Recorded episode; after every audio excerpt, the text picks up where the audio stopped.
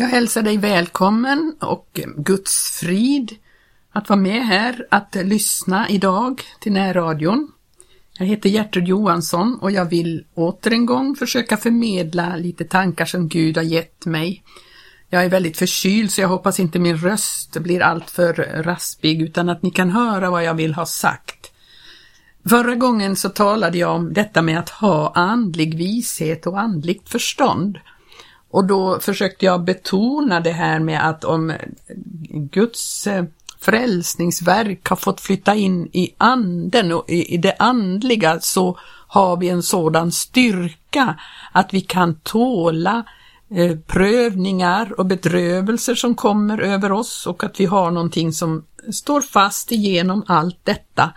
Om vi har eh, fått det på insidan, det handlar inte om de yttre tingen då utan utan eh, även om det är prövningar och svårigheter så, så håller det därför att vi har en, fått en sådan visshet om vad vi har. Så att vi ser inte på det yttre, vilket en kötslig människa nog gör lite mera, eller en själisk som också eh, tycker att det mer handlar om hur det känns och hur det... Nej, man har fått en sån fasthet och visshet i sitt inre att man går i alla fall. Man har fått denna tro implanterad så att man genom allt kan tåla det som möter och eh, ha en fast, ett fast mål för sin vandring. Nu skulle jag vilja fortsätta tala lite om detta med andlig vishet och andligt förstånd och vi kan börja med att läsa i Kolosserbrevet 1, vilket jag kanske gjorde förra gången också, men vi tar det bibelordet igen där Paulus har skrivit om hur han har fått höra om att tron har kommit till dem och att det har börjat växa och eh, utvecklas ibland dem, vilket han är väldigt glad över. Och så skriver han i nionde versen där.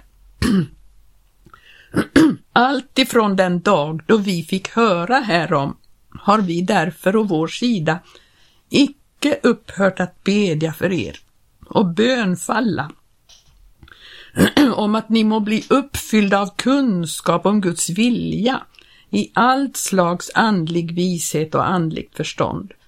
Så ska ni kunna föra en vandel som är värdig Herren, honom i allt till behag och genom kunskapen om Gud bära frukt och växa till i allt gott verk. Och genom hans härliga makt ska ni på allt sätt uppfyllas av kraft till att bevisa ståndaktighet och tålamod i allt och ni ska med glädje tacka Fadern som har gjort er skickliga till delaktighet i den arvslott som det heliga har i ljuset. Ty han har frälst oss från mörkrets välde och försatt oss i sin älskade Sons rike.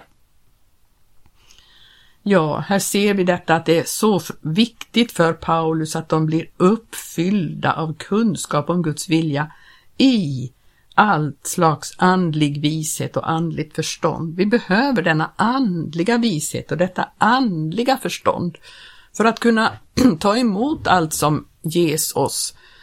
Vi behöver denna andliga vishet och andliga förstånd för att kunna ta emot ordet på rätt sätt. Jag har lagt märke till när jag samtalar med människor, när jag hör hur människor uttalar sig, när jag hör hur människor tolkar Guds ord, att man är oerhört eh, många gånger väldigt angelägen om att vara bibelenlig och det är ju bra att man vill det, men att man många gånger då blir väldigt platt i sitt sätt att se på Guds ord. Så att man har inte någon dimension i det, man, man ser bara så, ja, som ett platt papper. Men Guds ord är så mycket mer och Guds ord har så mycket mera djup. Vi ska titta i Efesebrevet, um, tredje kapitlet, där Paulus beder. Han, har, han skriver då om evangelium och hur, hur denna Kristi hemlighet, hur Gud har förenat både hedningar och judar i i ett, att de, de är medarvingar och så vidare, Han skriver om detta. och han skriver om Guds vilja i församlingen då, men så skriver han då i fjortonde versen i tredje kapitlet. För den skull böjer jag mina knän för Fadern, honom från vilken allt vad Fader heter i himmelen och på jorden har sitt namn och beder att han ville efter sin härlighets rikedom förläna er, att ni genom hans ande växer till i kraft till er invärtes människa och att Kristus genom tron må bo i era hjärtan och att ni må vara rotade och grundade i kärleken så att ni tillika med alla de heliga till fullo förmår fatta vad bredden och längden och höjden och djupet är och så lära känna Kristi kärlek som övergår all kunskap, ty så ska ni bli helt uppfyllda av all Guds fullhet. Här ser vi att här finns det dimensioner. Det handlar om bredd, längd, höjd och till och med djup. Så det är inte bara tre dimensioner, fyra dimensioner i Guds ord som vi behöver förstå och det genom hans ande skulle, ska vi växa till på detta sätt så att vi eh, kan växa till i förståelse av Guds ord. För eh, Guds ord är inte ett, ett platt instruktionsblad på det sättet som många människor gör det till. Det blir väldigt absurt ibland när man tolkar det, Guds ord på det sättet. Det är gott att man har en ambition att vara bibeltrogen. Det är det verkligen. Men vi behöver växa till i kraft till vår invärtes människa. Så att vi kan fatta och förstå de här djupen i Guds ord. För Guds ord har djup. Det, det, det finns exempel i Guds ord på sånt som kan verka som motsättningar som kan se ut som att det är det. Om man läser Guds ord noga så kan man hitta ett eller annat som verkar bara eh, motsäga sig själv. Och vad betyder det? Vad är det frågan om? Jo, men det handlar ju om Guds verk i olika eh, plan, i olika dimensioner. Och Guds ord eh, visar på att vi stiger från den ena härligheten till den andra, vi människor. Guds ord började ju, ehm, eller Gud började ju sitt verk med Israels folk en gång i tiden. Och då gav han instruktioner som var rent eh, fysiska på den tiden. Vi kan titta i, femte Moseboken, eh, 23 kapitlet. Där står det vissa saker som eh, kan vara svårt att förstå, men som handlar om Guds verk på den tiden då allt var mera bokstavligt. Det står i 23 kapitlets första vers, ingen som är snöpt vare sig genom krossning eller genom stympning skall komma in i Herrens församling. Ingen som är född i äktenskapsbrott eller blodskam skall komma in i Herrens församling. Icke ens den som i tionde led är avkomling av en sådan skall komma in i Herrens församling. Ingen ammonit eller moabit ska komma in i Herrens församling. Icke ens den som i tionde led är avkomling av en sådan skall någonsin komma in i Herrens församling. Det här låter ju väldigt märkligt om man då ska tolka det på Nya testamentets grund så, så funderar man ju på, kan inte de bli frälsta? De som är födda i äktenskapsbrott, det är väl många som är födda på det sättet. Eller någon som är snöpt genom krossning eller stympning, det händer väl också. Eller om man då råkar vara född ammonit eller moabit, får man aldrig då bli frälst? Det betyder inte så, det här ordet, utan det här är frågan om förebilder på Gamla testamentets tid. Och vi kan se redan på den tiden hur Rut kom in i Guds eh, verk på ett väldigt märkligt sätt. Alltså hon kom ju in, hon var moabit. Enligt detta ord skulle hon ju inte få, på något sätt få lov att komma in i Herrens församling. Men i Ruts boks fjärde kapitel och trettonde vers så står det så tog då Boas Rut till sig och hon blev hans hustru och han gick in till henne och Herren gav henne livsfrukt och hon födde en son. Och så kan vi läsa där i fortsättningen släktregistret att hon var stammoder till David.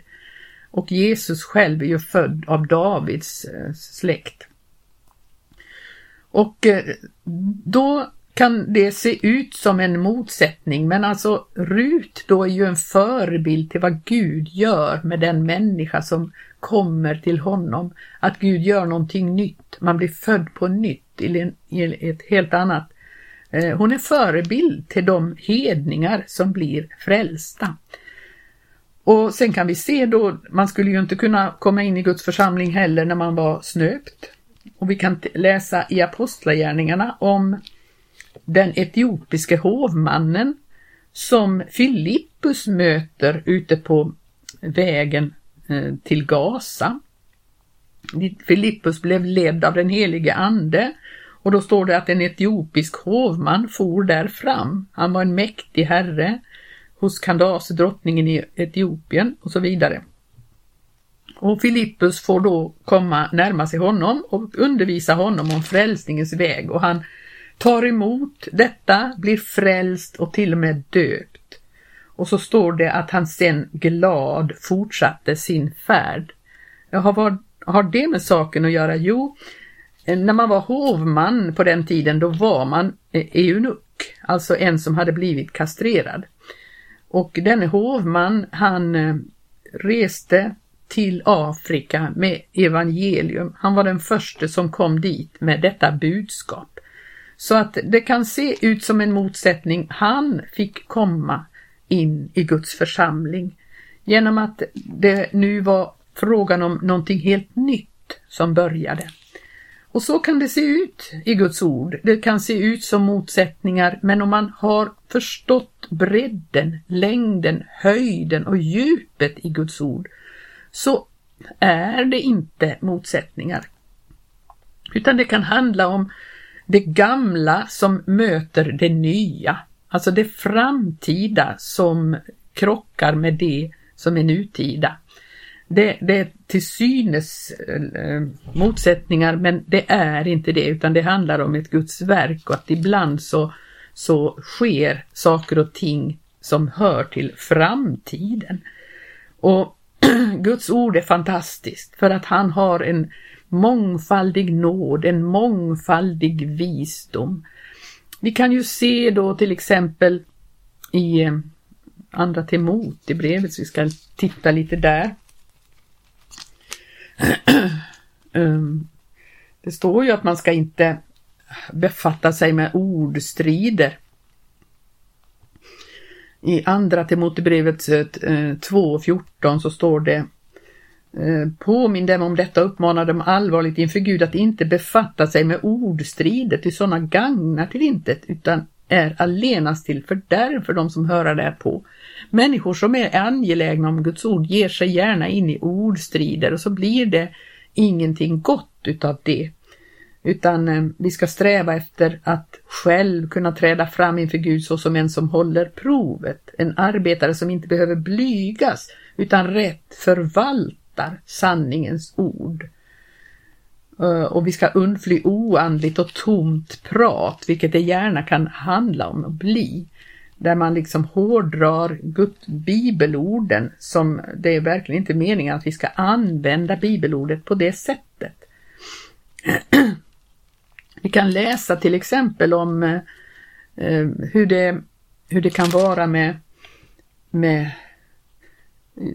män och kvinnor i Guds församling, det är ju en, en sak som ofta är strider om ibland de kristna. Och det måste vi förstå på ett andligt sätt det också. Det står ju i andra Timotebrevet om, eller första Timotebrevet är det menar jag, i andra kapitlet där om kvinnans roll i församlingen. Det står att eh, i nionde versen där i andra kapitlet, likaledes vill jag att kvinnorna ska uppträda i hövisk dräkt, att de blygsamt och tuktigt pryder sig, inte med hårflätningar och guld eller pärlor eller dyrbara kläder, utan med goda gärningar, så som behövs kvinnor, som vill räknas för gudfruktiga. Kvinnan bör i stillhet låta sig undervisas och därvid helt underordna sig. Däremot kan jag inte tillstädja en kvinna att själv uppträda så som lärare, ej heller att råda över sin man, fastmer må hon leva i stillhet och så vidare. Så står det om hur Eva blev bedragen men det blev inte Adam. Så att eh, kvinnan ska inte uppträda som lärare och det ska vi hålla med om. Vi ska inte käfta emot en sådan. Eh, men det finns då tillfällen när en kvinna måste undervisa och det är inte en motsättning utan det är en nödvändighet därför att det finns helt enkelt inte alltid någon man som kan göra det. Och ibland är kvinnan bättre skickad att göra det och hon ska såsom moder undervisa sina barn. Och i Guds församling kan kvinnan ibland behöva uppträda som moder för sina barn. Vi vet ju hur det var i Sverige, hur Gud har använt kvinnor väldigt många gånger i Eh, till att låta evangelium bli spritt. Vi vet i vårt eget land hur kvinnor gick ut som evangelister och predikade i bygderna och vann många för Gud. Det var ju nödvändigt därför det fanns inte män tillräckligt många som kunde göra detta. Och många gånger var kvinnorna mer villiga att gå. Och då fick de gå med evangelium och så vann de ju naturligtvis eh, också män för Kristus. Och då skulle det ju vara helt absurt att tänka sig att nu, bara för att det finns en man då i församlingen så ska kvinnan sitta på bänken och så ska denna nyfrälste man förkunna och tala istället för henne. Därför hon ska inte uppträda som lärare, hon ska bara, nej, naturligtvis måste hon så som en moder i församlingen undervisa sina barn, även andliga nyfödda barn för att de ska kunna växa i nåd och sanning. Så Gud har många gånger under historiens lopp använt kvinnor och det är ingen motsättning till det som står där i, i eh, Timotebrevet. Men kvinnan ska däremot inte ha de här ämbetena som eh, det står om. Hon ska inte vara pastor, hon ska inte vara äldstebroder eller någonting sånt. Men hon ska låta sig användas till det som Gud leder henne in i. Och det är helt nödvändigt eftersom Gud måste få använda dem han har. Under historiens lopp så kan vi läsa om väldigt många kvinnor som har kunnat eh, få eh, bli använda av Gud till ett oerhört fantastiskt verk. Och Däremot så ska kvinnan inte uppträda som lärare, vilket jag tolkar som så här att hon ska inte sätta en lära, utan hon ska förmedla den lära som hon själv har fått sig um, undervisat i, i sin församling där hon har vuxit till, i sitt andliga liv. Hon ska inte uppträda som lärare och sätta någon ny lära, då kan det gå galet. Och därför så ska vi hålla oss till Guds ord. Vi ska naturligtvis vara väldigt angelägna om det här att följa Guds ord på alla sätt. Jag tror att i det här så kommer detta med Guds församling att bli en helt annan eh, ordning. Därför det står så här i Galaterbrevet eh, tredje kapitel och 23 versen så står det så här. Men förrän tron kom var vi inneslutna under lagen och hölls i förvar under den, i förbidan på den tro som en gång skulle uppenbaras så har lagen blivit vår uppfostrare till Kristus för att vi ska bli rättfärdiga av tro. Men sen tron har kommit så står vi inte mer under uppfostrare. Alla är ni Guds barn genom tron i Kristus Jesus. Ty alla, ni alla som har blivit döpta till Kristus har iklätt er Kristus. Här är icke jude eller grek. Här är icke träl eller fri. Här är icke man och kvinna. Alla är ni ett i Kristus Jesus. Hör nu, nu Kristus till så är ni därmed och Abrahams säd, arvingar enligt löftet. Vi har redan här i tiden fått komma in i en ny dimension, i en ny eh, ordning därför att här är det inte frågan om de här skillnaderna i eh, när det, ens när det gäller könen då. Men vi ska för den skull inte bortse ifrån att många, de flesta människor redan lever eh, eller fortfarande inte har kommit in i den andliga, eh, eh, vad ska man säga, mognaden så att man kan eh, leva i det här. Men vi ska förstå att vi lever i en spänningsfält emellan det nya och det gamla, det mänskliga och det andliga. Och därför så kan det se ut som motsättningar ibland, det som sker i, i Guds verk. Jag ska avsluta den här dagen med att, eller det här tillfället med att läsa i psalm 103. Ett, en psalm som jag tycker är eh, väldigt rik och som vi ska läsa. Lovsång till Herren för hans stora barmhärtighet av David. Lova Herren min själ och allt det i mig är hans heliga namn. Lova Herren min själ och förgät icke vad gott han har gjort, han som förlåter dig alla dina missgärningar och helar alla dina brister. Han som förlossar ditt liv från graven och kröner dig med nåd och barmhärtighet. Han som mättar ditt begär med sitt goda så att du blir ung på nytt såsom en örn. Herren gör rättfärdighetens verk och skaffar rätt åt alla förtryckta. Han lät Mose se sina vägar, Israels barn sina gärningar. Barmhärtig och nådig är Herren, långmodig och stor i mildhet. Han går icke ständigt till rätta och behåller ej vrede evinnerligen. Han handlar icke med oss efter våra synder och vedergäller oss icke efter våra missgärningar. Ty så hög som himmelen är över jorden, så väldig är hans nåd över dem som fruktar honom. Så långt som öster är från väster låter han våra överträdelser vara från oss. Så som en fader förbarmar sig över barnen, så förbarmar sig Herren över dem som fruktar honom. Ty han vet vad för ett verk vi är. Han tänker därpå att vi är stoft. En människas dagar är så som gräset, hon blomstrar så som ett blomster på marken. När vinden går däröver, då är det icke mer och dess plats vet icke mer därav. Men Herrens nåd varar från evighet till evighet över dem som fruktar honom och hans rättfärdighet in till barnbarn när man håller hans förbund och tänker på hans befallningar och gör efter dem. Herren har ställt sin tron i himmelen och hans konungavälde omfattar allt. Loven Herren i hans änglar, i starke hjältar som uträttar hans befallning, så snart ni hör ljudet av hans befallning. Lova Herren i alla hans härskaror, ni hans tjänare som uträttar hans vilja. Lova Herren i alla hans verk, var helst hans herradöme är, min själ, lova Herren. Vi avslutar därför idag och så får vi höras igen om en vecka. Gud välsigne er alla.